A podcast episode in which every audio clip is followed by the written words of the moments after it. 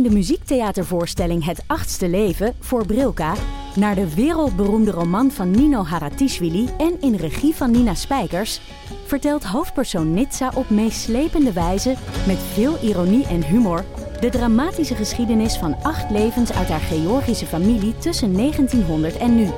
Een hartverscheurend en tegelijk troostrijk drama verteld vanuit het perspectief van vrouwen uit verschillende generaties.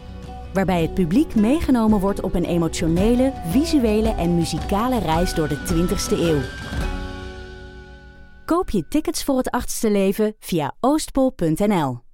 Dag, lieve vrienden van de show. Hier Nienke even met een vraag. Tot onze grote vreugde zijn we genomineerd voor een BNR Podcast Award. We geven natuurlijk niks om prijzen, want wij zijn allemaal van die types die nooit iets winnen. Maar wellicht winnen we nu wel. En dan zijn prijzen ineens leuk. Maar dan moet er wel op ons gestemd worden. Dat kan op www.podcastawards.nl. Je kunt ook op mij stemmen in de categorie Beste Host. Zou ik ook heel leuk vinden. Enfin, stem op Ik Ken Iemand Die. Zodat wij begin september de roltoeters kunnen blazen op de uitreiking van de Podcast Awards. Onze dank naar jullie zal enorm zijn. www.podcastawards.nl En dan nu een nieuwe aflevering. And I remember Cotton Eye Joe. I've been married a long time ago.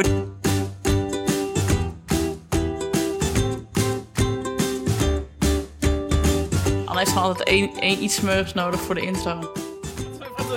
Is je worstel hard? Ja, dit staat erop. Ja, dat is lekker. Zonder context. Dat is Nou, hè. Hoi, ik ben Nienke de Jong, moeder van Janne van 2 en Abe van 5 maanden oud. Samen met mijn vrienden Hanneke Hendricks, moeder van Alma van 2, Alex van der Hulst, vader van René van 6 en Jaren van 3 en Anne Janssens, vader van Julius van 2, maak ik Ik Ken Iemand Die. De podcast over ouders, kinderen, opvoeden en al het moois en lelijks dat daarbij komt kijken. Terug van vakantie. Hanneke was op pad met de camper. Anna was gaan zwemmen met wat blauwalg in het Lauwersmeer. Alex zat in de Ardennen zijn kampeerburen af te luisteren. En ik ging met mijn schoonouders naar een Drents bungalowpark. Waar de mascotte nota bene Alex heette. En een jongetje was met bruin krulhaar. Ik noem dit geen toeval. Enfin, alles is goed en de kinderen hebben genoten.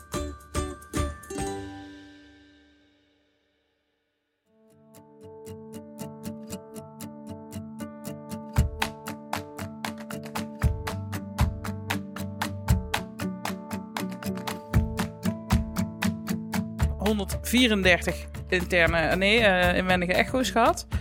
En eh 567 spuiten, zoiets. Deze keer in Ik Ken Iemand Die vertellen we het bijzondere verhaal van Jenneke. Een verhaal dat niet uniek is, maar dat juist bijzonder is omdat het zo vaak voorkomt, maar weinig wordt verteld.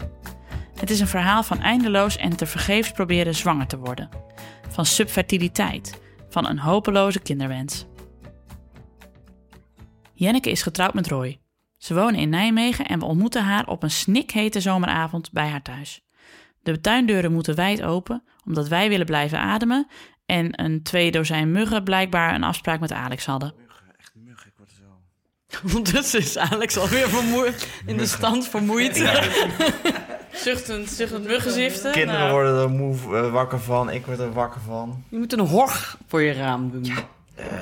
Dat helpt. Maar goed. Jenneke en Hanneke zijn vriendinnen en zaten lang in hetzelfde schuitje. Test hier, test daar, ziekenhuis in, eindeloos veel kopjes wachtkamerkoffie, ziekenhuis uit, pillen, hormonen, spuiten, echo's, alles. Jarenlang, van 2009 tot 2015, hebben Jenneke en haar man met medische hulp geprobeerd zwanger te worden. Maar ze kregen geen kind. Hun directe omgeving wel. Op Jennekes werk leek het wel baby's te regenen. En ja, dat kan je op een gegeven moment te kwaad worden. Roy en Jenneke besloten te stoppen met alle behandelingen. Het was klaar. Ze vertrokken uit Nijmegen en verhuisden naar Amsterdam om daar een ander leven te kunnen leiden. En dat nieuwe leven zou er komen ook. Maar daarover later meer. We beginnen bij het begin. Dus op naar de keukentafel, waar we verlekkerd keken naar een berg bevroren slagroomsoesjes en een en al oren waren voor Jenneke. Oké, take it away, Hanneke. Maar we zijn hier eh, in Nijmegen, in het huis van eh Jenneke en Roy. Waar ze net zijn gaan wonen. Ja. Want ze zijn terug verhuisd vanuit Amsterdam. Dat moet ik wel even bijzeggen voor onze pro-Amsterdam... eh, Ik ben nog ook nog steeds best pro-Amsterdam, hoor. of onze pro-Amsterdam, pro-Nijmegen. En pro-Nijmegen. Ja. Nou, mijn intro-praatjes gaan altijd meteen mis. Jij kan dat veel beter altijd niet. Ik voice over er eh, iets van. Ja, precies. We knippen dit Zeg ervan. ik, wat, Han- wat Hanneke bedoelde is... Wat Hanneke bedoelde is... eh, Jenneke woonde eerst in Nijmegen. Toen heeft ze 2,5 jaar in Amsterdam gewoond. En nu is ze weer terug in Nijmegen. Laten we eerst vragen hoe dat bevalt. Maar ja, het bevalt heel goed. We komen, maar ik weet niet of ik nou dat wel of niet moet zeggen. Goed, dat, zullen we, moeten het gewoon... begin beginnen ja, dan? laten we het maar... Want we zitten hier omdat we een, een keer een aflevering wilden doen over eh, subfertiliteit. En toen eh, dacht ik, nou, eh, laten we dan ons, mijn goede vriendin Jenneke eens bellen... en kijken of die bij ons in de podcast-aflevering wil. En Want- dat wil die wel. Want wat is subfertiliteit? Ja, als, als je... eh Verminderd heb ik vruchtbaar, toch? Ja, verminderd vruchtbaar. Je moet dan onvruchtbaar is niet echt een term die dan die je makkelijk die je Nee, ja, Volgens mij ben je officieel-. Ja, volgens mij ben je officieel onvruchtbaar als je bijvoorbeeld geen eierstokken meer Ja, hebt. precies. Of geen eh, zaad hebt. Wat niet bestaat, denk ik. Weet ik niet. Maar dan, als het echt niet kan. Ja, en anders spreek je van ja, verminderd Verminder- vruchtbaar of subfertiliteit. Ja. Want infertiliteit ja, is inderdaad is het is ook als je geen, ja, als je het echt niet kan, nee. Nee, of geen baarmoeder. Zo heb ik het altijd geleerd van mijn man, De dokter. de dokter. Als ik dan zei onvruchtbaar, dan zei hij nee, nee, nee. En ik heb het geleerd gedurende een jaar of zeven. Ja, want vertel even, jij hebt hoe lang in de medische, jullie hebben hoe lang samen in de medische molen gezeten? Ja, dat, vind ik, dat weet ik niet precies. Maar ik weet wel dat ik in eh 2009 ben gestopt met de pil. En Oh ja, Anne kijkt op, maar het is ondertussen ook zomerfeesten in Nijmegen. Ja, vierdaagse Dat houdt niet meer op. Vierdaags, nee, de- Klote dorp ook nou ja. ja, en ik, het- ik ben hier niet gaan wonen met het idee dat, dat hoor ik dan heel goed. Maar je hoort het hier dus net zo goed. terwijl je woont Het is wel, ja. het is wel opvallend goed hoor je het. Ja, ik was echt verbaasd. Ik heb zelfs een keer gehoord... Oh, nou, de handjes te lucht. Echt letterlijk. Dat ligt nou een beetje in de wind dan. Ja, want Ja hoor, lieve luisteraars. Na een minuut waren we alweer op een ander onderwerp. Heel leuk om Axel Rose in je achtertuin te hebben blaren, maar daar is vast en zeker al een andere podcast over. Focus, ik ken iemand die, Focus. Oh, en Anne heeft bovendien wegens gevorderde Buma Stemra-vrees de achtergrondfestivalmuziek eruit gehaald. Dus daar hoor je ook niks van. Terug naar Jenneke en haar kinderwens. Nou, ik denk dat ik dat altijd heb geweten. En ja, hoe je dat dan weet, weet ik niet. Maar zeker toen het dus allemaal niet lukte, wist ik nog zekerder dat ik het altijd wilde. Maar ik ben wel iemand die altijd heeft opgepast op heel veel kinderen. Vanaf jong. Het achtergrondgeluid van de babyfoon sniks heeft Anne er wel in gelaten. En met reden. Komen we nog op terug natuurlijk. Eh, dat, en altijd, dat ik, als ik ergens kwam en ging met een kind spelen, dan zeiden mensen, oh, je moet iets met kinderen gaan doen. Ja. En toen zei ik, nee, die krijg ik wel. Ik wil ze wel, maar ik ga niet met kinderen werken. En dus nog steeds sta ik daarachter hoor. Ook, eh, En toen kwam je Roy tegen. En wist je toen meteen, ja, dan die kinderen met hem? Ja. Nou ja, wij kregen vrij laat verkeringen. Dus ik, was al, ik heb al een keer gezegd... eh, trouwens, ik ben drie jaar ouder, dus voor Roy was het prima leeftijd. Maar ehm, ik had al een keer gezegd... als ik dan... eh, ik weet niet of ik kinderen zonder man wil. Ik wist wel dat ik mannen viel. En eh, toen ik nee, 28 was, dacht ik... oké, als ik dan geen man heb, wat ga ik dan doen? Dus daar was ik toen al wel mee bezig. Toen, toen zei ik nog... ik weet niet of ik ze dan zonder man ook wil. En dat heb ik nooit hoeven afwachten, want toen kwam ik Roy tegen. Dus ik wist al dat ik het wilde en dan dus met Roy. Ja, want toen je Roy tegenkwam, ik was erbij, lieve mensen. er was geen land meer met Janneke te beze- eh, Jij hebt bezeilen. hier een heel mooi verhaal over geschreven. Dat moeten we even in de show notes zetten. Want ik kan me dat nog heel, ik kan dat verhaal nog heel goed Ja, op herinneren. de weblog. En dat heeft ze ook op mijn bruiloft voorgelezen. Ja, Oh ja.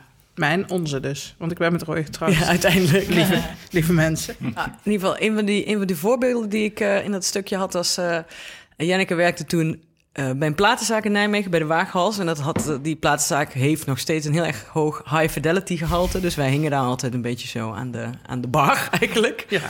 En, maar toen kwam ik op een gegeven moment binnengelopen en Janneke was aan het werk. En nou, het, het was echt... Ze zag, het leek alsof ze super dronken was. Ze hing echt over die balie. Zo, ik ben zo verliefd. en dan kwam er iemand heel serieus zo... ja, deze cd wil ik. En dan moest ze dat cd'tje in de, in, de, in de kast achter haar opzoeken. En dat lukte gewoon niet, weet je wel. En dan de hele tijd was ze... Welke, wat was het ook alweer? Dan moest je ook weer super hard lachen. Ja, op een gegeven moment heb ik echt geroepen van... Ik ga. Ik, ik, kan niet eens, ik kon geen normaal gesprek meer met haar voeren. Ja. Ja, nee, Mooi, hè? dat was wel mooi. Ja, dus dat. Maar we zijn getrouwd in 2011 en we hebben verkering vanaf 2006. En ik ben dus in 2009, denk ik, gestopt met de pil. En ook omdat ik al een keer PCO had gehad. Of PCOS, een beetje hoe je het noemt. Want dat heb je niet per se altijd, bleek. En PCO is polycystueus ovarium syndroom. En dat betekent dat je wel eitjes hebt en die rijpen wel, maar die springen niet. Dus dan word je niet ongesteld. En dat had ik een keer gehad, toen was ik 25 of zo. Toen was ik heel lang niet ongesteld, was naar de dokter gegaan en die zei... Oké, je hebt dat, je kunt wel kinderen krijgen, maar het kan zijn dat, dat, dan, dat je daar dan iets mee moet. Ik zo, oké, toen. Nou, en toen was ik inmiddels aan het pillen weer en toen heb ik nooit echt veel last van gehad, qua hormonen of zo. En toen zei ik tegen haar, nou daar stop ik mee, want dan weet ik, dan kan ik even kijken hoe het zit met mijn eh, menstruatie. Ja. Maar dat was prima. Dus ik werd gewoon ongesteld. Dus ik dacht, nou, dan zal het ook wel oké zijn. En dat was ook, want toen was ik zwanger. Al, nou, niet snel. Na ze- acht maanden of zo. Maar er was een miskraam. En daar speelt Hanneke ook nog een klein rolletje in, dat weet je. In de miskraam. Ja, ik had net nou tegen haar aangefietst. Nee, nee, nee. Jij ook al met je brein halen. Nou, Ja. Nee, nee. ehm, ik was dus zwanger, maar ik had dat nog tegen, bijna, tegen niemand verteld, volgens mij. En ehm, het was al mis aan het gaan en dat wist ik. Maar ik wilde niet toen het mis aan het gaan was ineens tegen mensen zeggen, ik ben zwanger. En toen was je op bezoek. En toen zei ik, oh ja, ik moet nog even maandverband halen. Hoezo gebruik jij maandverband? Heb jij geen tampon? Ik zei, nee, vind ik niet zo fijn. Terwijl gewoon een, ja, nu moet ik een beetje lachen. Maar dat is sowieso wel waar wij weer heel goed in waren, Anneke. en ik, Dat ik heel veel grappen maak, hoe erg het ook is. Super eng was het ook wel. Roy was niet thuis. En ik had het niet verteld, dus ik had heel veel pijn. En toen liepen we door de sneeuw naar een Albert Heijn. Of een zo, weet, ik, weet je het nog? Nee. Nee, nee. En toen eh, zei hij daarna, ja, ja, ik ga. Ik zei, dat is goed. En toen heb ik Roy gebeld. Ik zei, het is nu echt mis. Dus het was best wel heftig toen. Jeetje, ja. Ja. Maar ik dacht alleen maar, oké, ik vond het heftig en verdrietig. Maar ik dacht, oké, ik kan kinderen krijgen. ja. Dus eh Goeie hoop. komt wel. ja. En je wacht een jaar. Nee, en toen werd ik niet meer gesteld. Oh shit.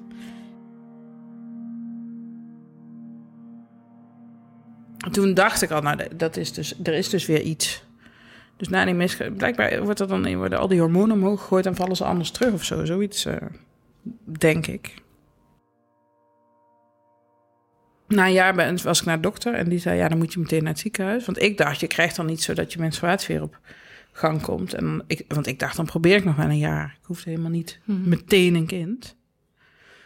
Maar die zeiden, ja, dan moet je naar het ziekenhuis en dan kom je in het eh, infertili- een, eh, fertiliteitstraject. Oh, oké.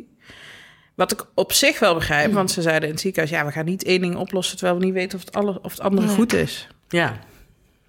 En dat fertiliteitstraject, dat houdt in eh, bij elke eh, menstruatie... of bij elke ijs, de hele tijd checken of je een ijsprong hebt gehad. Van Ja. Eerst, in mijn geval... Volgens mij is dat altijd op maat. Want het ligt er maar aan wat er aan de hand is. Eh, sowieso ben ik vrij zwaar. En dat PCO was dus inderdaad terug, maar niet zo heftig. Dus ik was zelf al lang gestopt met roken hoor. Maar al die dingen had je al gedaan. En toch maar weer eh, verder aan het afvallen. Ze hebben het zaad getest. Was natuurlijk ook nog nooit gebeurd. Kon Nee. ook, maar dat was prima. Ehm, en dan krijg je eerst een hormoon zodat je één keer ongesteld bent. En dan beginnen ze inderdaad. Dan krijg je dingen om je ijsprong wat sterker te maken. Dus we begonnen helemaal niet al meteen met insemineren. Want ik had een ander probleem. Ik had niet al een jaar kunnen proberen. Dus we begonnen eerst zeker te weten inderdaad dat ik een ijsprong had. Zo'n keer of drie, vier gedaan. Dus dan moest je wel naar het ziekenhuis voor echo's om te kijken. Ja, Ja. de goede... En ging jij nou dat traject in eh, met het idee... oh, dit komt goed? Of... Ja. Gelukkig. Altijd heb ik... eh, nou ja, je gaat dat gewoon doen. Ja. Maar ook omdat ik een keer zwanger was geweest. Anders was, had ik het misschien minder hoop gehad. Nee, want ik hoor ook wel vaak inderdaad dat, je dan, dat mensen heel veel angst hebben. Zo van, zie je wel, ik ben degene die Van al, ja, van al die vrienden, iedereen raakt maar zwanger. Ik zal weer die ene zijn bij wie het niet gaat lukken, weet je. Maar jij stond er dus wel positiever in. Ik heb nooit gedacht dat het niet zou lukken tot het einde. Toen dacht ik dat het niet, dat het niet ging lukken. En je vroeg straks hoe lang dat geduurd heeft. En kijk, we hebben niet zeven jaar lang van dat gedaan. Maar we hebben wel van 2009 tot ongeveer 2015... eh, zijn we daarmee bezig geweest. Maar ook wel eens een half jaar niet. Toen gingen we trouwen. Wat heel gaaf was, omdat we wisten van... oké, dit lukt allemaal niet, maar we houden wel heel veel van elkaar. Ja. Dat was wel echt... Op die manier was dat allemaal... Ja, want je hoort wel Speelde vaak- wel een rol, ja. Ja. van relaties die want we kennen ook. Want we zaten hetzelfde, hetzelfde schuitje groep. Hadden we een appgroep. No- Noem even de naam van die appgroep, want die vind ik zo grappig. Ik weet het niet meer. Oh jawel, wat was het? Miley Cyclist. Oh ja. Echt? ja die had ik dus niet. Oh ja, dat toen weer wel. Nee, inderdaad. Ja, Inderdaad, ja, die was ik ook alweer. eh Ik weet eigenlijk alles over jouw traject. dit is vooral ook dat ik. Jenneke en Hanneke zaten rond 2014 en 2015 in hetzelfde schuitje. Ze waren lid van de appgroep Miley Cyclus en waren tegelijkertijd frequent bezoeker van wat ze de kelder der onvruchtbaren noemden in het Radboud ziekenhuis. Alleen, Jenneke was toen al vijf jaar bezig met haar traject en volgde een IVF-behandeling toen Hanneke aan haar IUI begon. Hanneke en ik hebben het hier al zo vaak over gehad dat ik ook een boek zou kunnen schrijven over haar zwangerschapstraject. Maar dat is een ander verhaal. Dus we liepen allemaal in het ziekenhuis. Dat was het een En beetje. kun- kun je eens vertellen, want ik ben wel eens, eh, toen Cynthia zwanger was, in het ziekenhuis geweest. En ik weet nog dat we in zo'n wachtkamer zaten. En dan zit je naar mensen te kijken van, wat, je denkt, wat heeft die, wat heeft die? Waarom zou die hier zitten? Maar is hoe, dat, la- hoe lang is dat geleden? ja, ja. En welk ziekenhuis? Wat dat... CWZ was dat. Oh ja, dat is ook nog wel interessant. Want ik begon in het CWZ. Oh Dat is ja. een random keuze. Hè. Je mag altijd Ja. kiezen in Nijmegen. Als, als je keuze hebt, mag je zelf kiezen. Dus, ik herinner me nog dat Roy zei... Oh, doe maar CWZ, want daar zijn we nog nooit geweest. Hij woonde sowieso in je camping aan het uitzoeken. Ja. Maar uiteindelijk wa- was ik daar niet zo blij. Dus dat is... eh, maar ik, kijk, in de Radboud is het zo gespecialiseerd... dat iedereen komt daar voor hetzelfde. Oké. En in het CWZ doen ze het ook wel, maar dan gaan ze sowieso geen IVF doen, maar wel eh, insemineren en zo. Maar die gynaecoloog stelde zich elke keer opnieuw aan mij voor. Ja, dan, dan ben Ja. ik al weg hoor. Dat vind ik echt zo slecht. Doe de, je kunt zien dat Ja. ik geweest ben. Doe dan alsof je me nog kent. Weet je wel. Dat ben ik heel gevoelig voor dat soort dingen.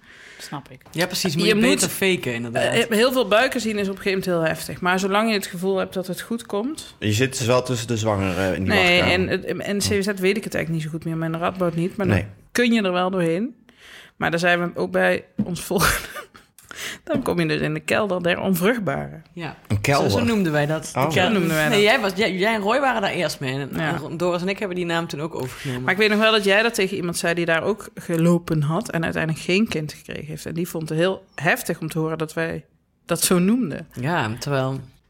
Ja, Ja. niet iedereen lost ehm, Ellende shit op met eh, grapjes natuurlijk. Nee, maar zonder grapjes had ik het nooit eh gered. Hoewel het heel vaak ook echt geen grapje had moeten maken of zo hoor.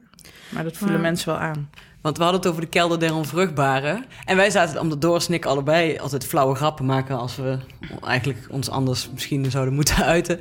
Dus we zaten er altijd heel erg grappig te doen en irritant voor de rest. Maar de laatste keer dat wij er dus waren, eh, voor de inseminatie... toen was de stereo-stuk. En die kregen ze niet zachter. Dit is geen grap, hè? Dus, en daar stond er een of andere klote zender op. En toen was het dus super hard, terwijl we daar zaten te wachten. And I remember cat night, Joe. I've been married a long time ago. Dus iedereen die zo binnenkwam, die keek zo. Wat is hier aan de hand? En dan zag je die vrouw achter de balie zo van, ja, dit is, een stuk. En wij moesten ook iedere keer lachen als er iemand binnenkwam. En dat is de laatste keer geweest dat wij daar dan- zitten wachten. Als het dan gelukt hoef je daar ook niet meer heen. Nou, we moesten wel nog voor de eerste echo daarheen. Oh ja, tuurlijk. Ja, Dus, eh ja en wij moeten nu met... zoon had gekregen, I joke. zie ja, and Eye Joe, inderdaad. And Eye Joe. Ja, maar dat is dan werkt dan niet. Dat is dan toch liever Joe Cottoneye van den Burg.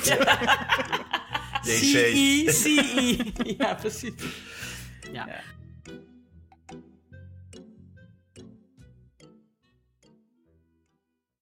Maar al die jaren zeg maar, in het ziekenhuis, je begon dus met inderdaad... eh, Ja, eerst gewoon met regelen. oplossen. Eerst erop re- regelen dat, het- dat er een cyclus was. En daarna, eigenlijk doe je elke keer iets erbij. mhm. En eh, dat elke keer iets erbij eindigt dan met IVF. Bij sommige mensen in ik zie, maar dat is niet beter. Dus ligt maar aan wat je nodig hebt. En ik weet dat we elke keer bij elke nieuwe stap... gingen wij het er helemaal niet over hebben. Of ja, niet omdat het moeilijk was of zo, maar we in bed. En dan zei ik, ga even checken, gaan we dat doen? En uh, zei Roy, wat wil jij? Ik zei, ja, wat doen we? Oké, dan doen we het. Weet je, Ja. het was heel duidelijk van, ik ga dat gewoon allemaal doen. En ik wist zelf ook niet tot hoe ver je dingen gaat doen. Hmm. Want ik- heb je toevallig die eh, Brandpunt-serie gezien over... eh, Ja, ja, ja, van Lisbeth Staats. ja, over die de- was fantastisch Ja. goed, maar ook... Die vond ik echt heel heftig. Over onvruchtbaarheid. Wij hebben het er op de app nog over gehad, inderdaad. eh Ja, Jannik en ik, volgens mij. Het ging over Oh ja, mensen die klopt. niet vruchtbaar kunnen worden en dan hun heil zoeken in het buitenland. Dus bijvoorbeeld een anonieme eicelsdonor halen of eh, regelen in Spanje, was het geloof ik. Eh, en hoe het in Amerika geregeld is met de draagmoeders voor homoseksuele stellen. En Ja, maar het was vooral ook heftig omdat de andere kant liet zien. Dus in Spanje zijn heel veel arme studenten die krijgen dan 1000 euro voor een ei. En je mag daar dus nog anoniem doneren, wat ik al heel heftig vind. En heel vaak zijn dat hele jonge vrouwen, die dan oude vrouwen, die ja, 45 zo, dus alsnog zwanger maken of kunnen maken. Ja. Maar ik wist wel dat ik, kijk, ik wist ook heel, en volgens mij wisten we dat allebei. Ik zeg nu deed ik, maar dit is echt heel erg samen gegaan. Jij zei straks ook van jullie waren samen zo goed, maar daar komen we dan eigenlijk nog even op. Maar ik wist heel goed, ik wil ze, mijn ei en zijn zaad en anders niet. oh ja. En we hebben ook ergens nog een keer eh, adoptie overwogen. En dan als je wil adopteren moet je eerst een cursus doen. Van het ministerie is dat al. En die wordt gegeven door de gezamenlijke adoptiebureaus volgens mij. Dan moet je aanmelden bij het ministerie van Justitie zelfs volgens mij. Ik weet het Oh, niet zeker meer. Ja, dat klinkt heftiger dan het Mm. is. Dat is gewoon zoals het geregeld is. En die is 1000 euro, dus dat is een drempel al. En dan moet je zes keer een dagdeel. Dus dat is een flinke investering. Ja, maar adoptie is nog veel duurder. Ja, nee, maar daar begint het mee. Ja, dus je kunt niet ja. zeggen, ook wel even kijken of het iets voor mij is. Nee, ook meteen al is het ja. best een hoge drempel. En ik- wat ik me afvroeg, hoe, hoe, hoe zit dat in je hoofd? Zit dat de hele dag in je hoofd? Of zoals je zei, van, denk je daar s'avonds nog eens na als een soort ding van... eh, gaan we dit ook nog doen? Of, Ja, het, zit- het kan helemaal niet de hele dag in je hoofd zitten. Nee. Maar bij ons niet. Want ik weet wel verhalen van mensen, die ken ik dan niet eens goed... bij wie dat echt het hele leven beheerst. Ja. Ja. En ik prijs me echt super... Het was voor mij mega belangrijk en mega verdrietig en heel ingewikkeld. Maar blijkbaar kon ik best nog plezier maken met Roy. Maar wat wel het werd wel ingewikkelder om van mensen te horen dat ze zwanger waren. Of, Mhm. En dan vond ik die mensen niet stommer. En mijn echt goede vrienden ging ik ook nog wel langs. Maar bijvoorbeeld kraamvisites op werk, echt niet. Ja, maar op een gegeven moment op jouw werk was iedereen Oh ja, zwanger. Dat iedereen. is ook wel grappig. In die zeven jaar dat ik, ik werk ergens waar ongeveer 30 mensen werken. En in die zeven jaar zijn twaalf zwangerschappen geweest. ja, dat was niet zo leuk. Dat begreep ook iedereen, bijna iedereen. Twee keer dat er iemand kwam werken die na twee maanden al zei: ja, ik ben zwanger. Ja, dat is wel heftig. Ja, ik Zit, zei, zie je nog in je proeftijd? Ja, dus daar het gat van de deur. ja. Oprotten Als ik baas was van wel, ja. Als ik baas was wel. Zou ik er anti zijn. Maar het is natuurlijk ook heel... helemaal niet zo'n diverse eh, populatie van werknemers dan. Ja. Maar, Maar jij zei van, je doet er elke keer een stapje bij. Eh, ik, ik, ik, speel, ik ben de, leek in dit verhaal. hè. Ik heb, hem, ik heb geen idee wat je dan allemaal doet. Hè? Dus ik doe het ook gewoon voor de, voor de luisteraar even stapsgewijs. ja, ja, ja. ja. Nou ja, je begint met, met eigenlijk met... eh, eh, je begint met dat, dat je dus medicijnen gaat nemen om je ijsprong te reguleren. En op een gegeven moment gaan ze dan ook insemineren. Dus dan gaan ze, gaan ze precies timen. Dan krijg je ook een spuit mee. En de pillen zijn heel goedkoop. En eh, de spuiten zijn heel duur. Dus de eerste drie, bij mij tenminste de eerste drie keer dat je, dat je het probeert eh, om je ijsprong te reguleren en dat ze gaan insemineren, krijg je die pillen. Maar ik werd daar echt, daar werd ik wel agressief van. Ja. Oh, dat heb ik wel eens verteld ja, hier. Ja. Wat kost dat? Dan Zo'n pilletje kost schijnbaar maar een dubbeltje of zo, een hele strip. Maar dat zijn hormonen. En jij werd daar Ja. agressief van die hormonen. Ja. Jij ging mensen aanrijden in de Terwijl ik supermarkt. geloof helemaal niet in hormonen, dat je Nee. daar iets... Ik geloof inmiddels... je wel in hormonen. achteraf ik wel. geloof inmiddels enorm in hormonen. Ja, ik ook wel. Maar ook wel dat je er ook wel een beetje iets tegen... Je kunt ook wel tegen jezelf zeggen, hè? Ik weet ook niet meer hoe het heet, maar die die pillen heb ik denk zes of zeven keer gedaan. Oh, klomiet. Ja, één keer moest ik hem de Clomid. afbreken, omdat ik toen mijn vingers had gebroken. Ja, jongens. Oh ja. En toen mocht ik geen eh, Oh nee, ik had natuurlijk een röntgenfoto gehad voor mijn gebroken vingers. Mhm. Dus mocht ik niet meer, want dat is gevaarlijk. En eh, toen moest ik het afbreken. Ik was kwaad, jongen. Ja. Zei, dat zijn mijn vingers, dat is toch niet daar? Maar ze zijn heel voorzichtig, ik snap het wel. Maar zo kwaad, nee, dat was wel hormonen. Ja, ja, ja. En ik heb ook eerst 's ochtends met Roy een beetje een dingetje. En toen moest ik tennis en toen stond ik op tennis, maar toen kwam Roy langs. Ik weet niet, iets brengen of zo. En dat was nog niet helemaal goed. Maar het was niks, hè. En toen ging ik serveren en toen moest ik keihard huilen. En ik moest er ook een beetje om lachen, omdat ik dacht... ja, jongens. Ja, dat is grappig, ja. En weet je nog Piet Sampras in een van de Wimbledon Oh, ja. dat hij heel hard moest huilen. Zo zag ik echt uit. Als hij wilde, oh, ik moet ook weer huilen. Dat was echt heel grappig. En dat er was- moet nog iemand heel hard huilen nu. Ja. Pete Sampras. Wat een man. Wat een servicefolly. Wat een borsthaar. Daar zou een podcast over moeten komen. Over tennis dan, hè? Niet over borsthaar. Focus. Ik ken iemand die. Focus. Anneke, jij, jij was aan het vertellen over de stappen die je zet. Ja, nee, want ik, ik kon nog wel inhaken op of je nou last hebt van hormonen of niet. Want Oh, ja. jij vertelde Ja. jouw. Piet, Piet Sampras moment. Ja. Mhm. Maar ik heb ook toen ooit ook gehad dat ik echt zo'n week alleen maar ruzie aan het zoeken was. En ik wist op dat moment ook zeker dat het allemaal een doorslag. En dat hij alles verkeerd deed en dat hij echt de duivel was en dat we maar beter uit elkaar komen, weet je wel. En na een week ging dat dan liggen en toen zei ik op een gegeven moment tegen Doris... Hey, ik heb vorige week toch wel last gehad van die pillen. Volgens mij is Doris... Goh! joh, joh, als je het zelf niet... Ik zei, oh, ja, jeetje, weet je wel. Maar je denkt op zo'n moment serieus dat het, die gevoelens zijn zo echt. Je, je slikt dus eh, eh, een aantal dagen pillen. Mhm. En dan meten ze iedere eh, dag bijna in het Nou, ze ziekenhuis. beginnen volgens mij op dag 7 met het meten van je ei. En als je ei groot genoeg is, dan krijg je een andere spuit... zodat je de ijsprong heel goed kunt timen. Ja. Zodat je het insemineren of, het, ehm, eh, of de IVF, of de punctie dus heel goed kunt timen. Je weet dus precies wanneer het ei op het goede moment is. Mhm. Ja, bij jou was het één ei, maar ik had dan soms acht eieren en dan mocht ik ook niet. Dus dan had ik al die pillen voor niks geslikt. Want ik had dan veel meer eieren dan één. Omdat die pillen natuurlijk die... Kijk, bij Janneke, bij jou had je had soms geen ei of er sprong geen ei. En bij mij konden ze niks vinden. Dus maar ik kreeg even goed die pillen, omdat ze dan weten ze zeker dat er genoeg zijn. En dan meten ze het. Maar ik had er dan soms acht en dan had je dus al die Ja. pillen voor niks geslikt. Want dan mag je niet insemineren, want dan kon je acht worden. Ja. Oh, zo. Het Ja, gebeurde ja. natuurlijk niet, maar Ja. soms natuurlijk wel. Dan, of dat je dan drieling had of zo. Ja. Bij vier of meer ging het allemaal niet door. Ja, dat had ik nooit. Bij vier of meer gaat het niet door. En daarvoor de, drie, twee... Drie eigenlijk, mm, dan doen ze ook een beetje... nee. Kijken ze hoe groot ze zijn. Twee is ideaal. Eén of twee. Oké. Ja. Zeiden zij. Ja, maar ik had er nooit, ik had er nooit twee. Dus bij insemineren dan, hè? Ja. Ik heb er één keer twee gehad, denk ik. Ja, want hoe lang doe je, doe je zoiets, zeg maar, eh, totdat je iets anders gaat proberen? Hoe lang hou je dat met die, met die pillen en die spuiten? Er zijn een beetje regels voor. Ze mogen volgens mij mag je zes keer insemineren of Ja. zo. En dan doen ze drie keer met pillen. Mhm. En dan, als dat dan niet lukt, tenminste bij mij dan, na drie keer, dat is een beetje de standaard. Na drie keer krijg je ook nog een extra onderzoek om te kijken of je eileiders niet dicht zitten. Oh ja. Maar dat doen ze in de eerste Oh, drie ja. keer niet, want dat is heel pijnlijk. De HCG. De HCG. Nee? Nee, Histosol. HS. HSG? Wat erg? HCG, denk ik. Dat is niet zo'n baarmoederspoeling. Jawel. Oh ja. Dan Met spuiten een ze al ballonnetje. Ja. kan contrastvloeistof Ja, in die je... Eileiders. Wel hartstikke mooi, hè? Kijk, ik... Dat komt denk ik ook wel een beetje omdat mijn vader dokter was. Maar ik vond het allemaal ook heel interessant. Maar Ja. ik vond het wel een beetje irritant dat het over mij ging. Dat ik het onderwerp was. Maar Ze zijn nu toch aan het onder- onderzoeken, dat hoorde ik van iemand. Of, want je hoort heel vaak dat mensen na zo'n baarmoederspoeling zwanger zijn. Alsof de boel, alsof de leidingen gewoon gevlot moesten worden. Ja, zeg maar. Ja, daar was dus geen evidence voor. Nee, zij, nee. Zij, Doris vroeg dat namelijk ook. En toen zei maar ik ben wel na dat ding zwanger geworden. Hmm. Maar ik heb met schuim gehad. oh ja, Want Doris is weer bevriend met een gynaecologe en zij zei... Nee, je moet schuim. Je moet schuim.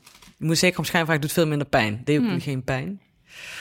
Maar goed, dat was ook weer... Want dat is het ook met een ziekenhuis. En dat is wat ik ook... Het vond jij ook, dat fascinerend. Je komt ook buiten dat je dus allerlei persoonlijke shit meemaakt. En je relatie, die gaat dan... Ja, gelukkig hadden wij het geluk dat dat beter ging. Maar je hebt ook mensen, die hun relatie gaat er gewoon een stuk aan. Ja. Eh, en je hebt dus de, je lichamelijke klachten die je krijgt. Maar je komt ook nog in een grote logistieke shit dat een, dat, dat een ziekenhuis is terecht. Ja, maar ook het logistieke shit dat je volledig afhankelijk bent van je lijf. Dus je weet op maandag soms niet of je woensdag naar het ziekenhuis moet. Dus dat met werk is dat... Je moet een beetje werk hebben waar eh, wat daarmee kan dealen. Want Want hoe ik heb vaak gewoon- zit je daar dan? Soms iedere ochtend. Ja, want het is dus officieel natuurlijk niet iets waar je vrij voor krijgt. Of wel? Jawel. Het ligt aan je baas. Oh, je krijgt er wel vrij voor. Het zit wel in... Volgens mij moet het officieel moet er daaraan meegewerkt Oké. worden. Ja, ik werkte voor mezelf. Ja, nee, daarom vraag ik het. Of Krijg je wel vrij van jezelf. Ja. Ja Oké, maar je zit er dus af en toe elke dag. Dat kan dus. En Ja. anders elke week of elke En- twee weken. Ja, het ligt er eigenlijk. Soms mag je ook niet de volgende cyclus door. Meestal na een inseminatie mag het wel, maar na een IVF moet je een cyclus wachten. Dus, of twee of drie, ligt een beetje aan wat je wil, want het is vrij heftig. Dus het- je, je kunt het in die zin zelf bedenken, maar je wil natuurlijk zwanger worden. Dus Ja. elke kans dat je elke keer ongesteld waarin niks gebeurt, is een gemiste kans voor je. Dat is normaal ook. Als jij Ja. Zwanger wil worden en je duurt acht keer, dan wil je niet een maand overslaan. Mhm. Ja. Het verschilt ook per persoon. Ja, Wij hebben best vaak overgeslagen. Want ik dacht ook, als we dan een festival hadden... Ja, dan ga ik niet... Ja, ik heb Want ik wil dan ook drinken. Je gaat, niet, je gaat niet drinken en Nee, dat doen. dat doen. Want dan is het... Ja, dan, ja, dat slaat nergens op. Maar voel je je dan niet schuldig op zo'n festival? Dat je denkt, ja, had ik nu niet beter... Ik niet. Oké. Maar jij had, Nou, jij had wel een beetje... Ik wilde wel door, Ja. maar ik, kijk, eh, op een gegeven moment duurde het natuurlijk ook heel lang. Dus, kijk, toen we gingen trouwen zijn we heel erg lang gestopt. En toen we, ik, ja, meer toen het afgebroken moest worden met die röntgen was ik gewoon kwaad. Want je bent wel heel erg je best aan het doen. Ja, precies. Vooral als je al die shit voor niks hebt geslikt. Dat Ja. is altijd echt... Of gespoten. En Ja. En jullie zeggen IVF is heel heftig. En wat is een, waar- waardoor dus is insem- ja, in, in inseminatie is dat minder heftig? Nou, Ik heb Ja, nooit ik vond- IVF gehad. J- jij, jullie gingen dus met... eh, eh, nee, eerst insemineren. Ja, nee, Pillen. nee, eerst de, de cyclus regelen, toen insemineren. Dan denk ik dat wij wel twaalf keer hebben geïnsemineerd uiteindelijk. Ik denk eigenlijk niet. Denk, nee, ik denk dat wij in totaal twaalf cyclussen hebben gehad, waarvan zes insemineren en zes gewoon ei. Oh ja. Ja, Dus dus wij hadden veel langer dat. En dat was dus niet één jaar, maar uitgesmeerd. Ja, want ik zat ook te denken van... Wordt dit, als het zo heftig is, wordt het dan op een gegeven moment niet een punt dat je denkt... Ja, moet ik dit... Hoe lang moet ik dit nou, kijk, doen? dat is wat ik eigenlijk altijd probeer te... Ik, ik zei op een gegeven moment, ik wou dat ik ze niet wilde. Maar, Mhm. en, en ik ben heel erg gewend, ik kan best goed denken... dat je alles in je leven rationeel kunt oplossen of benaderen. Of dat je voor zijn tegens kunt afwegen. Of je- planningje maken. nou, planning ben ik dan weer niet zo goed in. Maar Ja, maar wel dat je daar iets over... Je kunt erover... ja, je kunt eh, met jezelf in... eh, je kunt er argumenten voor en tegen. Je komt er wel uit altijd, Ja. met denken. En hier kom je met denken niet uit, want het is oer. Dit, je kunt het niet... Je kunt het niet rationaliseren, het is er. Het is er al, ik, wil gewoon een, ik wil er gewoon een kind. En je kunt niet bedenken waarom. En je kunt ook niet bedenken waarom niet. Nee. En je kunt het, het kan ook niet veranderen, volgens mij. Ja, het kan dus veranderen. Je kunt eraan wennen dat het misschien niet zo is. Ja. Maar dat is echt, inge- dat vond ik het ingewikkeldste. Dat je daar, de, waarom wil je dit? Waarom ben ik dit allemaal aan het doen? En dan komt wel van, waarom moet ik dit? En al die anderen, ik hoef er maar naar te kijken, ze was een zwanger. Ik bedoel, Ja. Je hebt al die uitspraken en je wordt gek van. Je wordt echt... En je krijgt natuurlijk nog allemaal mensen die met advies komen. Of viel dat bij jullie mee? Nou ja, terloopse, wat jij zegt, dat vond ik ook het... eh, als iemand te zei, oh nee, bij ons was het meteen raak. Dan ging ik ging dan wel eens zo... Nee, supergoed van je. Ja. Top, goed Ja. gedaan. Oh, dat weet Nou ja, ik- dat deed ik dan niet, maar ik, dat, deed, dat deed echt pijn. Ja. Ja, wat jij, trouwens, wat jij net zegt, Nienke, dat klopt ook. Dat je krijgt ook wel veel ongevraagd advies. Nou, ik er zo over na aan het denken ben. Want dat, Ja, vooral je moet gewoon loslaten. Maar Ja, dat is loslaten. Helemaal, ja, maar wat is dat voor een kutadvies? En ik ken eh, nee, een nicht van mij, die had het dus ook. En Ja, die, Ja, precies. dat. Dat kon je dan op een gegeven moment afmaken, dat praatje. Dan is iemand, nou, ik ken iemand. Dan zeg ik, nou, die was zeker acht jaar zwanger. Of acht jaar lukte niet en toen ineens boem. En toen zei ze, ik doe het niet meer. En toen was het, eh, ja. Waren het niet. dat dat gehuil op de achtergrond. Maar daar komen we zo meteen. Ja. ja.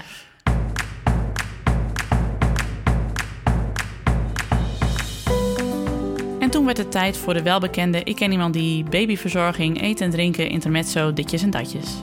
Maar bijna op de helft van alle afleveringen wordt er, komt er wel een kind bij zitten. Altijd, wordt altijd kind wakker. Heerlijk toch? Niemand durfde het laatste ondooide soesje te pakken. Wie pakt, eh, wie pakt de laatste soes? Anne? Nee, ik heb onderweg een milkshake gekocht. Beetje de producer pesten, moet kunnen. Je ziet er wel uit alsof je een soesje kunt gebruiken, jongen. Ja, inderdaad. Ja. Beetje Ja. bleek. Of En die bal kreeg ik gelijk teruggespeeld van Hanneke. krijg jij wel een beetje slaap? Nou, ik, Ben je een beetje... Even overdenken. je- Wanneer heb ik het is grappig dat je eraan bent, hè? Want Abe wordt altijd om kwart over vijf, half zes wakker of zo. En dan slaap ik eigenlijk niet meer, want om half zeven wordt Janne wakker en dan begint gewoon het hele feest. Dat je er ook aan went. Dat het dus kwart over vijf is dat je denkt, oh ja, oké, kom maar. En ik kan gewoon nu, ik kan overal meteen slapen. Als jullie, als ik nou mijn hoofd hier neerleg, dan ben ik gewoon echt binnen een halve minuut weg. Dat. Dat, is zo, dat vind ik wel echt een gave. En ik ben blij dat ik dat heb, heb geleerd, zeg maar. Want dat sleep je overal doorheen. En dat je dus ook wel gewoon door kunt of zo. Zeg maar. Ik heb niet dat als ik dan om vijf uur wakker ben geworden... ik dan halverwege de dag denk, oh, ik kan niet meer. Nee, ik kan gewoon wel. Gewoon één kop koffie extra en ik ben er wel weer of zo. Ja. Maar weet je, wij hebben ook weer mazzel dat het weer... Wel, Aap is drie maanden en hij slaapt gewoon van zeven tot vijf. Nou, dan mag je echt niet eh, mekkeren. Nee. Ik vond dat zo grappig. Dan las ik weer... Ja, pas toch op met eh, telefoons en tablets in bed. Want dat blauwe licht, dan slaap je niet. En ik moet altijd zo hard lachen. Ah, Ja, wat ik zei, onze bovenbuurvrouwen hebben dus heel veel van die reggaetonfeestjes. En dan hoor je dus echt zo reggaeton. En dan, dan dus appen ze ook van, als je te veel overlast hebt, laat het vooral weten. Ik denk, nou ja, ik, ik ga pas naar boven als mijn kinderen ervan wakker worden. Want wij slapen er gewoon keihard doorheen. Het maakt me echt niet uit. Dat je dan voor een voeding wakker werd en dacht, hé, hey, het is opgehouden. En dan was het zes uur of zo. Oh, oké, oké.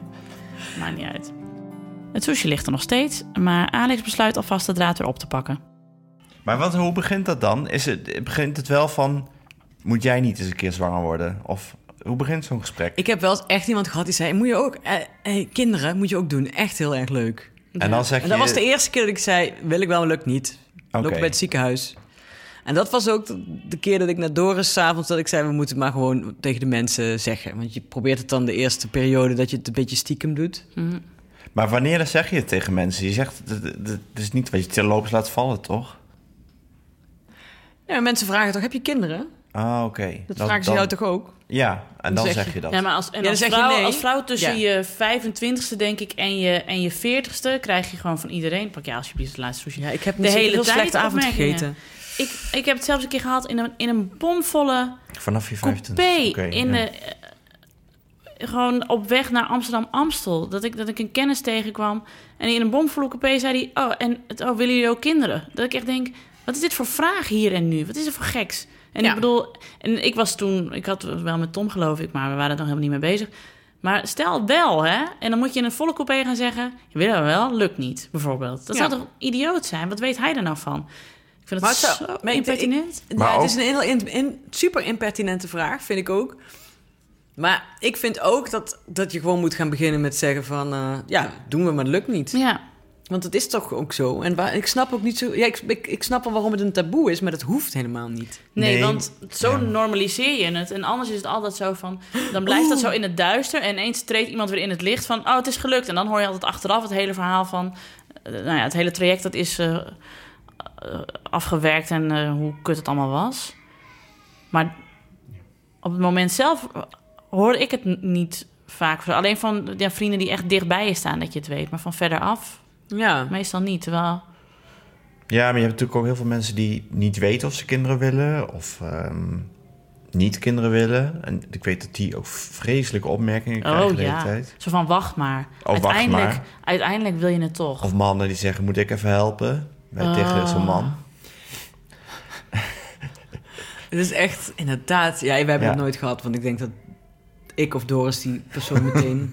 Ja, Maar, nee, maar dat is... Dat, en, en stel dat je dus ook... Kijk, ik, ik doe altijd net alsof ik super stoer ben... en dan ik van allemaal... "Eh, nee, ja, dat ik meteen een weerwoord heb. Dat is natuurlijk ook niet zo. En je hebt ook natuurlijk mensen die dat überhaupt niet willen of hebben... en dan... eh, weet je wel, om zo met een gestrekt been erin te gaan. ja. Ja. Daar heeft, heeft lang niet iedereen zin in. Dat snap ik ook. Het hoort ook eigenlijk zo dat je daar geen zin in hebt. Nee, want de En dan, vraag dan is stellen... het echt heel naar. Ja, want de vraag stellen, dan, dan, dan begeef je dus op heel glad ijs van... of mensen die niet willen, of er niet uit zijn... of het aan bezig zijn aan het proberen en het lukt niet. De een wil het wel en de ander niet. En je vraagt het precies Ja, degene die dat. wel wil. Ja. En, ehm, Ja, ik vind het ook nu ook. Want ik, Maar ja, aan de andere kant, je wil er ook weer niet een soort taboe van maken. Ik heb tegen één vriendin gezegd van... Ik wist het, ik weet dat zij het moeilijk vindt om het erover te hebben of zo. Mhm. Ik zei van... Als je het over wil hebben, dan kan het altijd. Maar ze zullen gewoon afspreken dat ik het... Dat je het vertelt als, als er nieuws is of zo, weet je? Want dan hoef ik niet de hele tijd te vragen van hoe gaat het... en dan klapt ze dicht, weet je? Dat, ja. Meer gewoon van, ik ben er en ik wil alles heel graag aanhoren... maar ik wil jou niet voor de voeten lopen hiermee. En ik wil helemaal niet mijn babygeluk in jouw gezicht duwen de hele tijd. Janneke is ondertussen weer aangeschoven. Hi. Over... ehm, We hadden het over Zijn- mensen die vragen stellen en adviezen geven. Maar vooral de beginvraag van... Heb je kinderen, wil je kinderen? Eh, waarom niet, waarom wel? Nou, ik, was, ik ben er best wel open in, omdat ik het makkelijker vond als mensen het wisten. Mhm. En Roy zei af en toe, oh, zeg je wel snel of zo. Maar ik denk, ja, nou en? Dus Ja, want- ik vind het fijner. Want hoe stond Roy in dit alles als partner? Hoe die het als partner deed of hoe hij het vond. Nou, eerst hoe vond hij het en daarna hoe deed hij het? Ja, eh, wat ik zei, de- dus als we ziekenhuisbeslissingen moesten nemen... dan liet hij dat heel erg bij mij. Maar de wens was net zo groot. Dus eh, alle artikelen die dan in uh, Volrouw, Volkskrant, Magazine verschijnen... over kinderen, ouders, zwanger, mannen met kinderwens... dat valt ook extra op.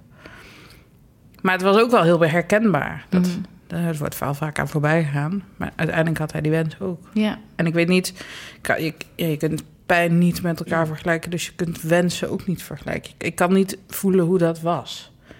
Of dat ook natuurlijk was, of denk het wel, maar weet ik niet. Hè? De In zo'n ziekenhuis hoeft, hoeft die man eigenlijk helemaal niks. Behalve één keer laten testen en dan... Nee, hij eh, moet wel een keer eh, ja, ja, produceren. Hè? Hij moet de hele tijd uh, en dan komen ze vertellen hoeveel, uh, hoeveel het was. Ja, ja, ja. En als je dan één keer niet zoveel hebt, is dat toch niet zo leuk. En dan, heb je, en dan denk je, oh, heb je een feestje gehad? Dat denk ik, dat, tenminste, dat dacht Ja. Doris dan meteen. Als het minder was, dacht hij, oh, maar misschien komt het toch omdat En ik te veel heb gedronken. Minder is dan ik met 5 jou- miljoen, hè? Dat is niet Ja. zoveel. er hoeft er maar eentje bij. Ja, er hoeft er maar eentje bij te zitten die het doet. Ja. klopt. Ja, dat is het een beetje. Het ongevraagde advies wat je krijgt. Eh, want vaak als mensen zeiden van... eh, oh, maar waarom heb jij geen kinderen? En dan zei ik... Of dat heb jij, had jij misschien ook wel. Dat je zei... eh, ja, eh, dit lukt niet. Dan kwam er daarna vaak wel een goed gesprek. Want vaak kenden die dan ook wel mensen die... Weet je wel? Maar het erge was altijd dat ik... ik vond inderdaad, er hoeft er maar eentje bij. Oh, het lukt jullie ook nog wel. Dan dacht ik altijd... ja, dat weet je helemaal niet of het ons lukt. Je moet gewoon zeggen, hé, wat kut. Ja. Hé, wat kut. En, En, dat is het eh, eigenlijk. En succes. En succes en hoe gaat het? Hoe voel je je? Ja. Dan zeg je nou zo en zo. Oké. En dan. eh, Het heftigste moment, dat weten we, dat eh, eh, zijn er eigenlijk een paar. Eigenlijk elke keer als ik de uitslag had van de IVF, ze slaan nu wel het medisch stuk, ding een stukje over. Want de IVF vond ik qua me- medisch ook weer heel interessant. Dat dat Mm. kan, dat jij dus eitjes kunt laten groeien. En ook die punctie vond ik heel mooi eigenlijk. Heel eng, maar ook het doet ook pijn, toch? Of viel dat wel mee? nou ja, de eerste keer had ik eh, een beetje verdoving. En de tweede keer had ik vrij veel morfine. Wat je, en dan krijg je gewoon. Maar ik ben- kan zo slecht tegen morfine. Ik had iets geks. En eh, bijna overproduceerd. De tweede keer was niet zo goed. En toen, eh, de derde keer heb ik zonder verdoving gedaan. Dat viel eigenlijk heel erg mee. Ik vond het eigenlijk niet, eh, eigenlijk niet zo pijn doen. Want dan plaatsen ze een bevrucht eitje. Nee, dus ze moeten eerst de eitjes uit jouw baarmoeder ja. prikken. En dan... Dus ze gaan met iets naar binnen. Ja. Nou, niet iets, een naald eigenlijk. En dan zie je op een schermpje... Een normale eierstok is een, ro- een rondje waarin een eiblaasje kun je zien. Dat is een zwart rondje. Dat is het blaasje, dat is niet het eitje. Maar dit... En als, ze dat, als je er dan, als je IVF gaat doen, wil je er zoveel mogelijk. Dus dan heb je eigenlijk een eierstok vol, wat is gewoon een ronde vorm, Mhm. met heel veel zwarte vlekjes. En dat Ja, zijn die het- eiblaasjes. Want in Die- tegenstelling tot de inseminatieprocedure, waar je maar één of twee eieren Mm. moet hebben, moet je er hier zoveel mogelijk, toch? Ja, want Ja. Je, je wil zoveel mogelijk eitjes. Zo- Nou ja, ook niet 800, want dan heb je overproductie en dan Mm. gaan er andere dingen eh, mis. Dus het is nog steeds wel een wankel evenwicht. Maar 20 eitjes is eigenlijk heel goed. Mhm. Meestal iets minder. Ik had er niet zoveel. Dus dat lukt ook. Dus ook afstemmen van medicijnen. Want met te veel krijg je dus te veel. En met te weinig kun je misschien wel één keer prikken. Maar een punctie is een kans. Mhm. Dus als je maar één ei hebt, wil je liever geen punctie doen. Want je krijgt maar drie keer vergoed in Nederland. Dat, is Oh ook- ja. dat soort dingen spelen ook allemaal mee. Hè? Dat, Mhm. dat zijn wel rationele dingen die je kunt afwegen. Ja. Want de eerste keer had ik drie eitjes waarvan maar... Nee? Ja, wel volgens mij drie eitjes en maar één embryo. Hm. En, heel, en ik ken ook iemand die had de eerste keer heel veel eitjes. Toen bleek dat IVF niet lukte. En de tweede keer nog meer eitjes. En daar heeft ze drie kinderen van. Zo. Van dezelfde badge, Ja. zeg maar.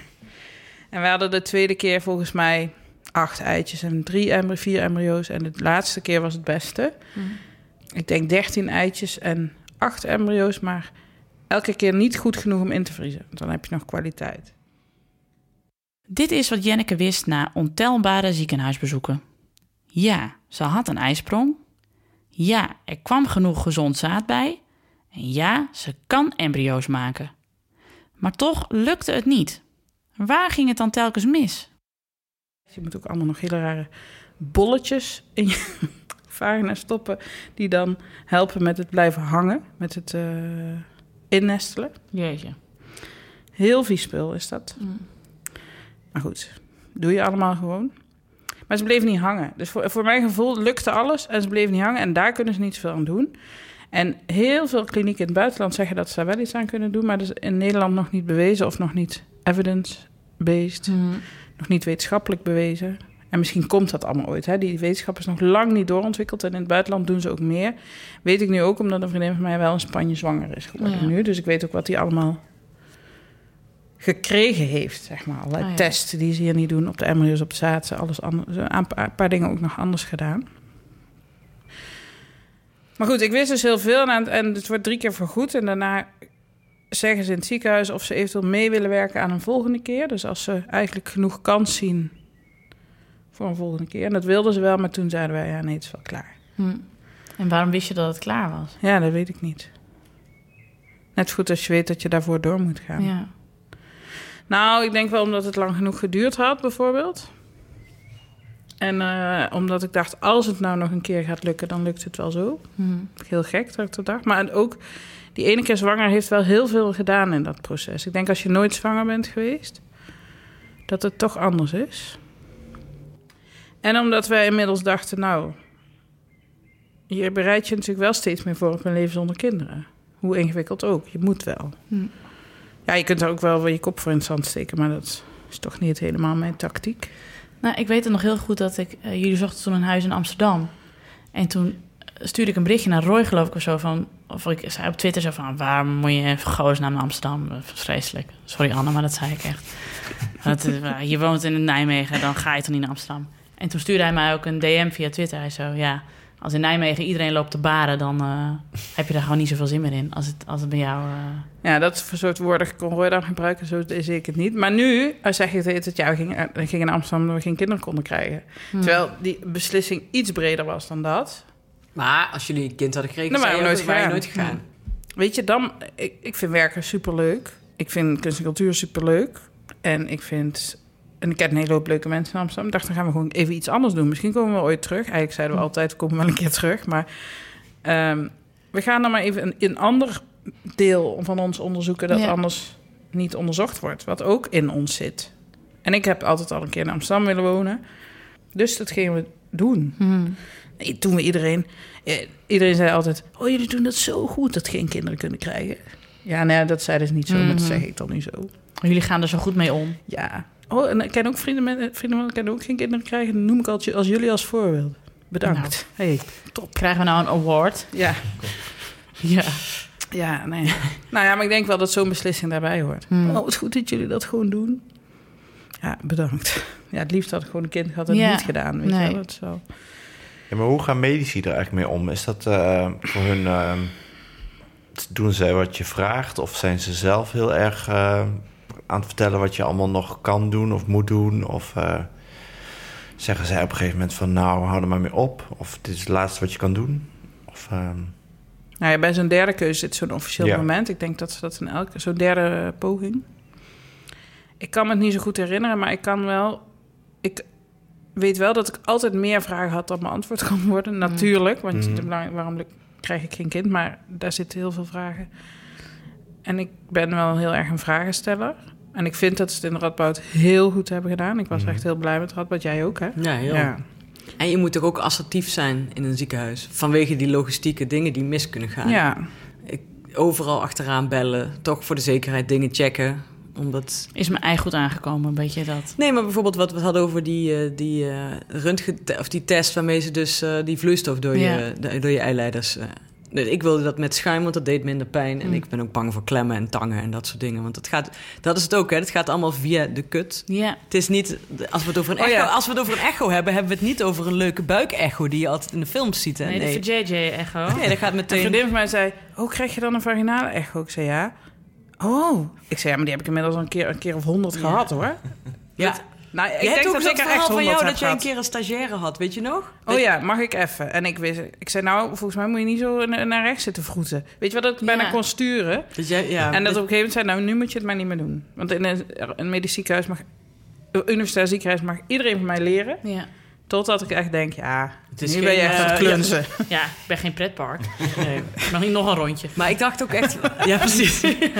Het is geen... eh, nou. Ehm, ik dacht ook... eh, ik dacht dat ik er nooit aan zou wennen. De eerste keer dat ik zo'n echo had... zat ik thuis huilend bij Doris van... het is echt verschrikkelijk. Terwijl... Inderdaad, de tiende keer eh sms'te ik naar Lea en Quirijn van... Nothing says good morning like een kopje koffie en een vaginale echo. Want dan pakte je... Dan kon je gratis koffie, hè, wel, hè? En dan ging je dan koffie pakken en dan... eh, dan sprong ik zo weer in die stoel, s ochtends om negen uur. Weer, de vierde De keer die ochtend. Goedemorgen, weet je wel, koffie. Mevrouw Hendricks, ja hoor, hier ben ik. En dan zo. En dan, Ja. inderdaad. Ja, en Roy heeft ook eh, met, volgens mij met een terugplaatsing van een embryo, niet, niet insemineren, terugplaatsing.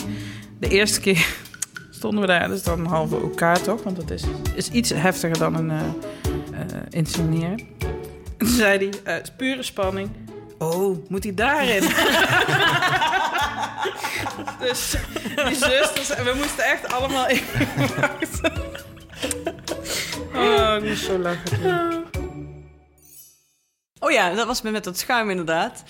Eh, ik was er dus bang voor en ik, ik wilde dat. En ik had dus ook echt dat aangevraagd. En dan, ze zeiden dat ook, nee, dat kan. En die het werd zo ingepland.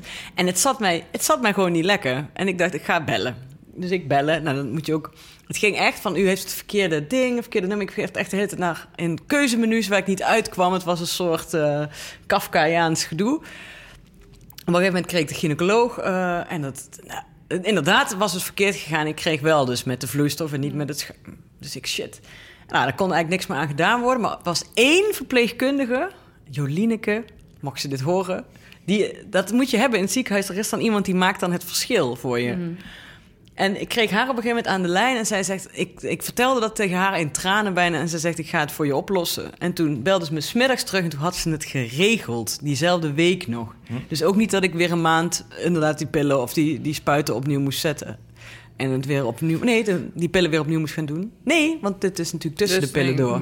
Maar dat je inderdaad geen maand extra had, zoiets. Ja. En eh, dat... Maar dat zijn dan wel dingen waar je zelf achteraan moet gaan. Ook met receptjes die dan niet naar de apotheek door werden gestuurd. Dat je daar... Ik heb daar ook wel eens echt over een balie gehangen. Nee, jij gaat nu bellen naar de gynaecoloog. Ik ga niet naar die afdeling lopen. Ik heb hier al een uur in de wacht gestaan. Ja. Jij doet dat. Ja. Maar had je eigenlijk een grens voor jezelf bepaald dan? Hoe ver je zou gaan? Nee. Hoe lang je het zou volhouden? Nee, je weet dat toch niet van tevoren. Hm. Dat is wat Janneke ook zegt. Je, je wil dat dan heel graag. En ik denk dat het naïef is om te zeggen... we gaan maar zo ver. Totdat je op het punt bent dat die keuze komt. Volgens Hm. mij kun je pas kiezen als het zover is. Want ik hoor vaak mensen die, die niet in het ziekenhuis hoeven lopen... of die nog geen kinderen, nog niet bezig zijn met kinderen... maar misschien later Hm. wel. En dan denk ik, nee, maar ik ga niet dit en dit doen. En dan denk je, ja, dat weet je helemaal niet. Nee, Nee. ja, die weet ook alles, van, van de opvoeding af wat ze wel en niet Ja. doen. Ja, precies. Dan, dat is hetzelfde. Ja, Ja. Ik, ga, ga heel consequent en streng zijn. Ja, je Ja. weet het niet. Want dan... Je, je, je dingen worden ook opgerekt, hè? Want ik... eh het is een hele rare woordkeuze nu. Maar ik vond zo'n vaginale echo echt verschrikkelijk. Maar na twee maanden, drie Ja. maanden... eh, interesseert het je niet meer. Dat ik zelfs dacht toen ik eenmaal zwanger was bij de, bij de verloskundige... dat ik dacht, ik krijg zo'n buikecho. Je ziet helemaal geen fuck Nee. met zo'n ding. Wat is het voor mietjes-echo? Even terug naar Jenneke. Zij en Roy woonden inmiddels in Amsterdam. Wat verder weg van een vriendenkring met kinderen. De verhuiswagen als reset button. Eenmaal gezetteld in de buurt blijken ze een wijk te hebben uitgekozen. Nou ja, vertel het zelf maar Jenneke. Wel helemaal eh, opkomende wijk, veel kinderen. Bleek later. Ja. Maar toen, ehm, ja, ik weet niet. Ik was op een gegeven moment heel moe. En ik, en ik had nog ik dacht, wanneer moet ik nou die andere baan gaan zoeken? Want ik wilde niet op en neer blijven reizen vanuit Amsterdam. En ik dacht, ja, wat komt er dan terecht van die ambitie waar ik het heet over heb? Of eh, wat doe ik nou eigenlijk in mijn leven? Ik ben niet zo moe. me chagrijnig, ik huilen. Zei, moet je geen zwangerschapstest doen? En die had ik toevallig de maand ervoor gedaan, had ik tegen iemand gezegd. En ik dacht, nee, ik ga niet weer elke maand testen doen. Ik was namelijk na... Oh ja, dat toen was, eh, was nog in Nijmegen natuurlijk de hele IVF gestopt. En een half jaar daarna dacht ik... Oh ja, dit ben ik. Dus even nog over hormonen. Dat je dus de- al zo lang in een rare staat bent... dat je niet meer weet, echt weet wie je bent. En dat ik toen dacht, oh ja, dit ben ik. Maar toen wist ik het toch niet meer. Maar ik dacht, ga niet weer elke maand een zwangerschapstest doen. Ik heb vorige maand gedaan, ik heb het tegen niemand gezegd. Ik had er nog één, want ik kocht er altijd twee. Maar ik ga die niet doen. Nou, toen was ik op een gegeven moment... hadden we een heel druk weekend gehad.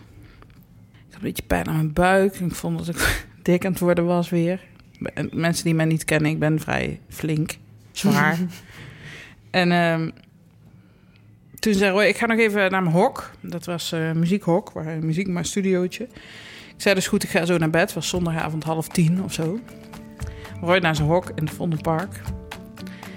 Ik denk, oh ja, ik heb die test nog. Nou, even doen dan. Nee, je moet niet huilen, het is leuk. Gaat over jou? En toen eh, was ik zwanger. dus ik zo.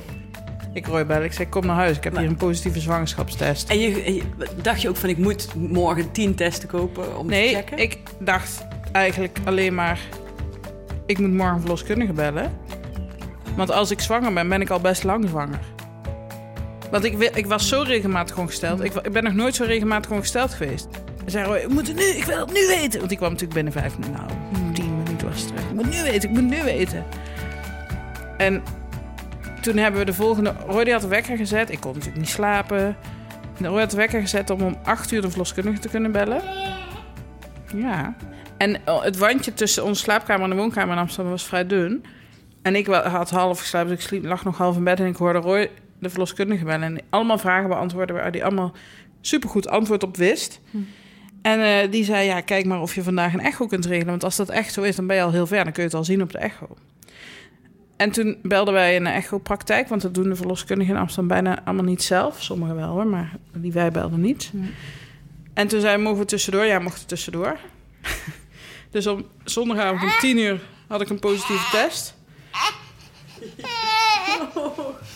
En de volgende ochtend om half elf eh, had ik een eh, inwendige echo.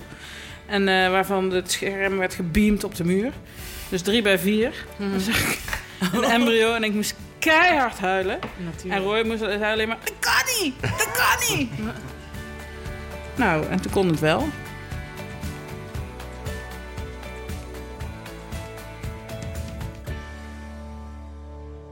En hoe lang was dat nadat jullie waren gestopt? Ik denk twee jaar of zo. Nee, anderhalf. Dus, dus je rekende nergens meer op. Nee joh. Anders waren we echt niet in Amsterdam verhuisd. Als ik echt dacht dat het nog... Ik had wel hoop, omdat ik on- regelmatig ongesteld was. Maar ik had niet echt hoop. Dus het was een soort... Jij zei ook ooit een keer dat je, toen je dus die zwangerschapstest had, was die hele kinderwens ook meteen weer terug, toch? Ja, het was allemaal heel goed weggedacht met je hoofd. En ik dacht alleen maar... Ik was zo bang die hele zwangerschap. Ik dacht, nou, ik was misschien met 32 weken niet meer bang. En ik was negen toen ik erachter kwam, hè, dus negen weken. Dus dat duurde dan iets minder lang dan. eh Maar nog steeds heel lang bang. Ja, best wel lang bang. Ik dacht gewoon, het mag niet misgaan. Nee. Ja, ja. En ehm, ja, en het, ik had natuurlijk verhoogd risico omdat ik oud was. Dus ik heb die, de NIP-test was nog niet. Dus de- bij de combinatietest kwam een verhoogde kans uit. NIP-test gedaan. Toen kwam ik, na twee weken was er geen uitslag. Dat kan, Mm, ja. blijkbaar. Ik moest weer twee weken wachten. Het was het goed. Twintig weken echo bleek dat hij twee aders in zijn eh, navelstreng had in plaats van drie. Dat is een normale afwijking, maar dan moeten ze toch allerlei dingen checken. Weer naar het ziekenhuis. En ik zei alleen maar, ik wil niet weer naar het ziekenhuis. Ik wil dat alles gewoon is. Bij 24 weken had ik zwangerschapsdiabetes. Er was steeds gedoe over of hij dan niet te groot was. En uiteindelijk werd ik dus ingeleid bij 39 weken of zo. Drie dagen in het ziekenhuis, niks gebeurd. en eh, daarna heb ik wel een redelijk medische, maar toch gewoon een bevalling gehad. En ik vond het super gaaf.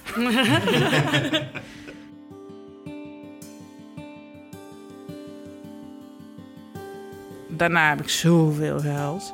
dat het zo klopte. En ook, maar ook dat, je, dat ik heel hard moest huilen over... Het kan helemaal niet wat ik nu ga zeggen. Wat al, dat ik heel verdrietig was voor als ik het niet meegemaakt zou hebben, omdat ik het nu wist. Maar dat kan helemaal niet, Nee. want dan had ik het niet geweten. Maar ja, ongelooflijk. En dan kon bij het derde bezoek de verlos, het laatste bezoek de verloskundige vertellen over anticonceptie. Ja.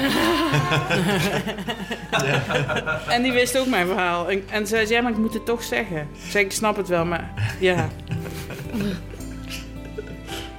Dus ik ben weer aan de pil.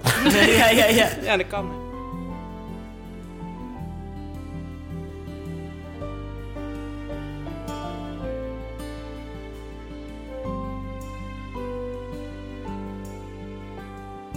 Hij is een jaar nu. En hij heet Nelis. Hij heet Nelis en hij is een, het is een Amsterdammer. Ja. Inderdaad, het is een Amsterdammer. En hij lijkt onwijs op jou. Ja. Hoor je dat? Kind van zijn moeder.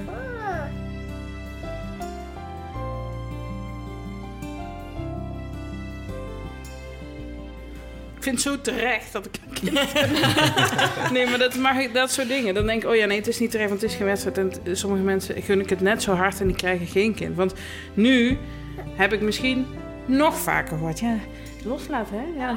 Oh, en denk echt. ja, en, maar ik zeg dan nu altijd, ja, maar van al die mensen die het ook loslaten, die alsnog geen kind krijgen, hoor jij het niet. Nee. Oh ja, oh ja.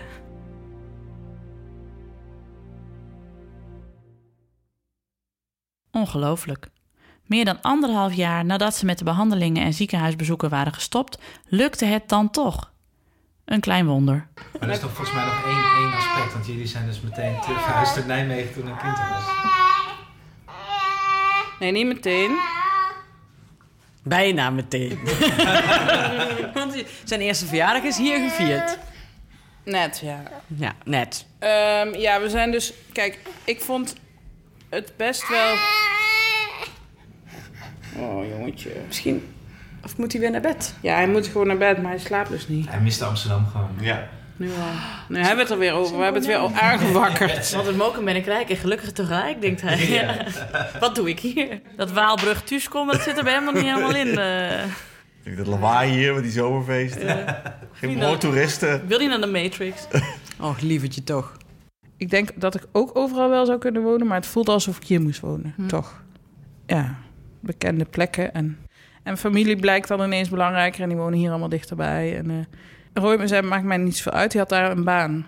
Die kon nog terug naar zijn oude baan, hoopte die. En dat is ook gelukt. Ik vond het zo'n mooi verhaal dat jij... eh, want jullie hebben je huis in Amsterdam nou ook precies op het goede moment verkocht. Dus terwijl jullie het, toen, toen jullie het kochten, was het, het een dip, nog, zat er nog een dip in de markt. En Ja. jij zei ook van, nou, ik vind ons, eh, onze trip naar Amsterdam een prima fertiliteits- en vastgoedinvestering. Nee, nou, dat is wel grappig, want nu vraagt dus iedereen gewoon alsof het niks is. En eh, wil je ook een tweede? Ik ben 41. Ik kon, kan geen kinderen krijgen. Ja, weet ik veel. Ik kan niet goed kinderen krijgen. Ik ben er niet zo goed in. Nou, ik ben er trouwens wel heel goed in, want hey, het is wel heel goed gelukt. Maar het zegt Roy ook de hele tijd. Ja, we hebben er heel lang over gedaan, maar daar is het wel extra goed gelukt. Hij is wel heel knap. Ja. Ja. Maar ja, weet je, toen we dachten dat alles maakbaar was, wilden wij niet één kind. Maar ik ga er niet vanuit dat ik nog een kind krijg. Je telt die zegeningen. Ja, joh. Dan eh worden we gewoon een heel goed team. Een heel goed voetbalveld voor de deur. Dus eh, zoek maar vrienden. En dan, Ja. ja. ja. En voor hetzelfde geld doe ik volgende maand een zwangerschapstest. Maar ik ben het ook niet van plan om het elke maand te doen. En op een gegeven moment hou ik ook op, want ik ben dus 41 en dat vind ik wel best oud al. Dus dat. Ja? Wat een mooi verhaal, Jenneke. Het gaat goed met Roy, Nelis en Jenneke. Gelukkig, want wat hebben ze veel doorstaan.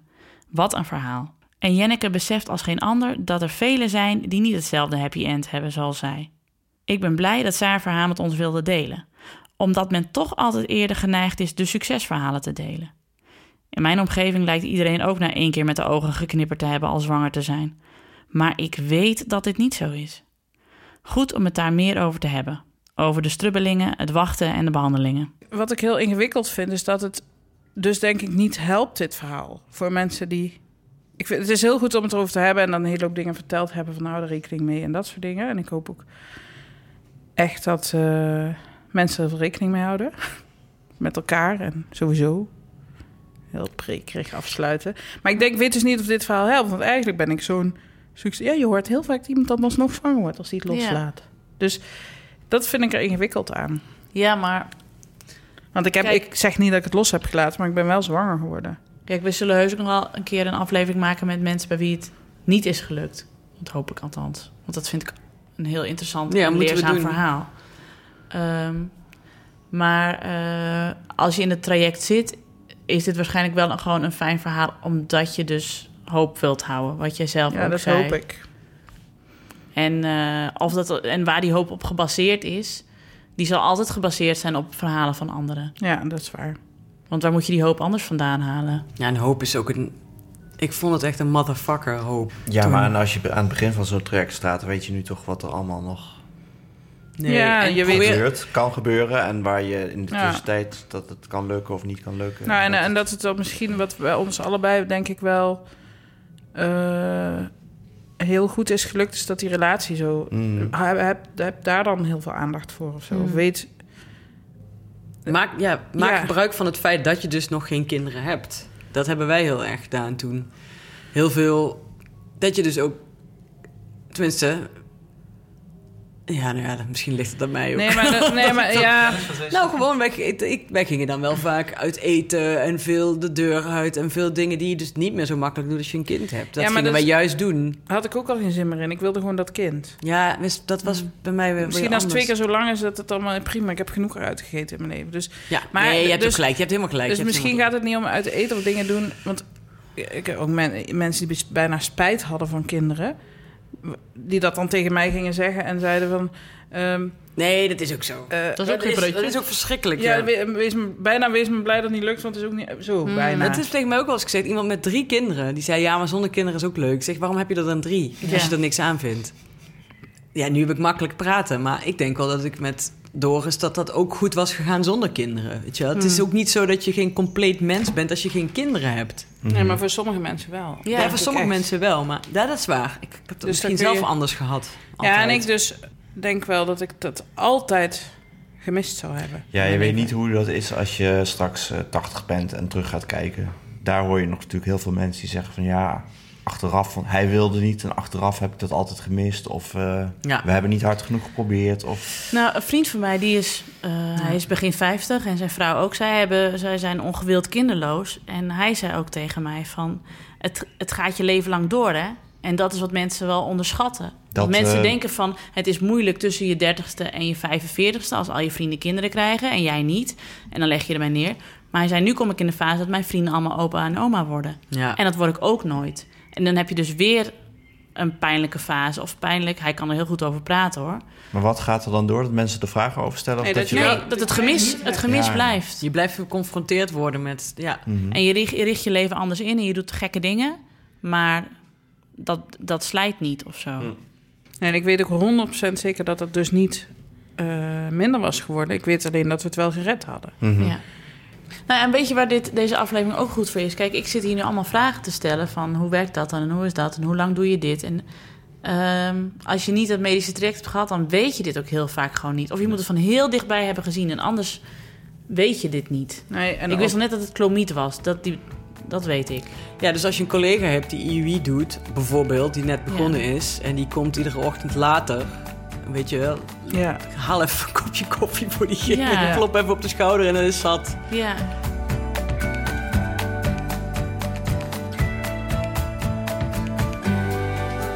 Enfin, dat was het weer mensen. Dank voor het luisteren. Het is onduidelijk wie stiekem de laatste soes had gepakt, maar opeens was hij weg. Nelix viel langzaam in slaap en stilletjes aan keerden we huiswaarts. Als je dit nou leuk vond, laat dan alsjeblieft een review achter op iTunes en vertel het ons op Twitter. Wij zijn @ikkenniemandie. Ken jij een moeder of vader die dit zeker moet horen? Maak ze dan alsjeblieft attent op onze podcast. Oh, en vergeet niet te stemmen op ons voor de Dutch Podcast Awards. Ga naar podcastawards.nl. Heel veel dank aan Jenneke voor de gastvrijheid en voor haar verhaal. En natuurlijk ook veel dank aan mijn vaste tafelgenoten Hanneke Hendricks en Alex van der Hulst. De productie was in handen van Anne Janssens van Dag en Nacht Media. Mijn naam is Nienke de Jong. Tot snel!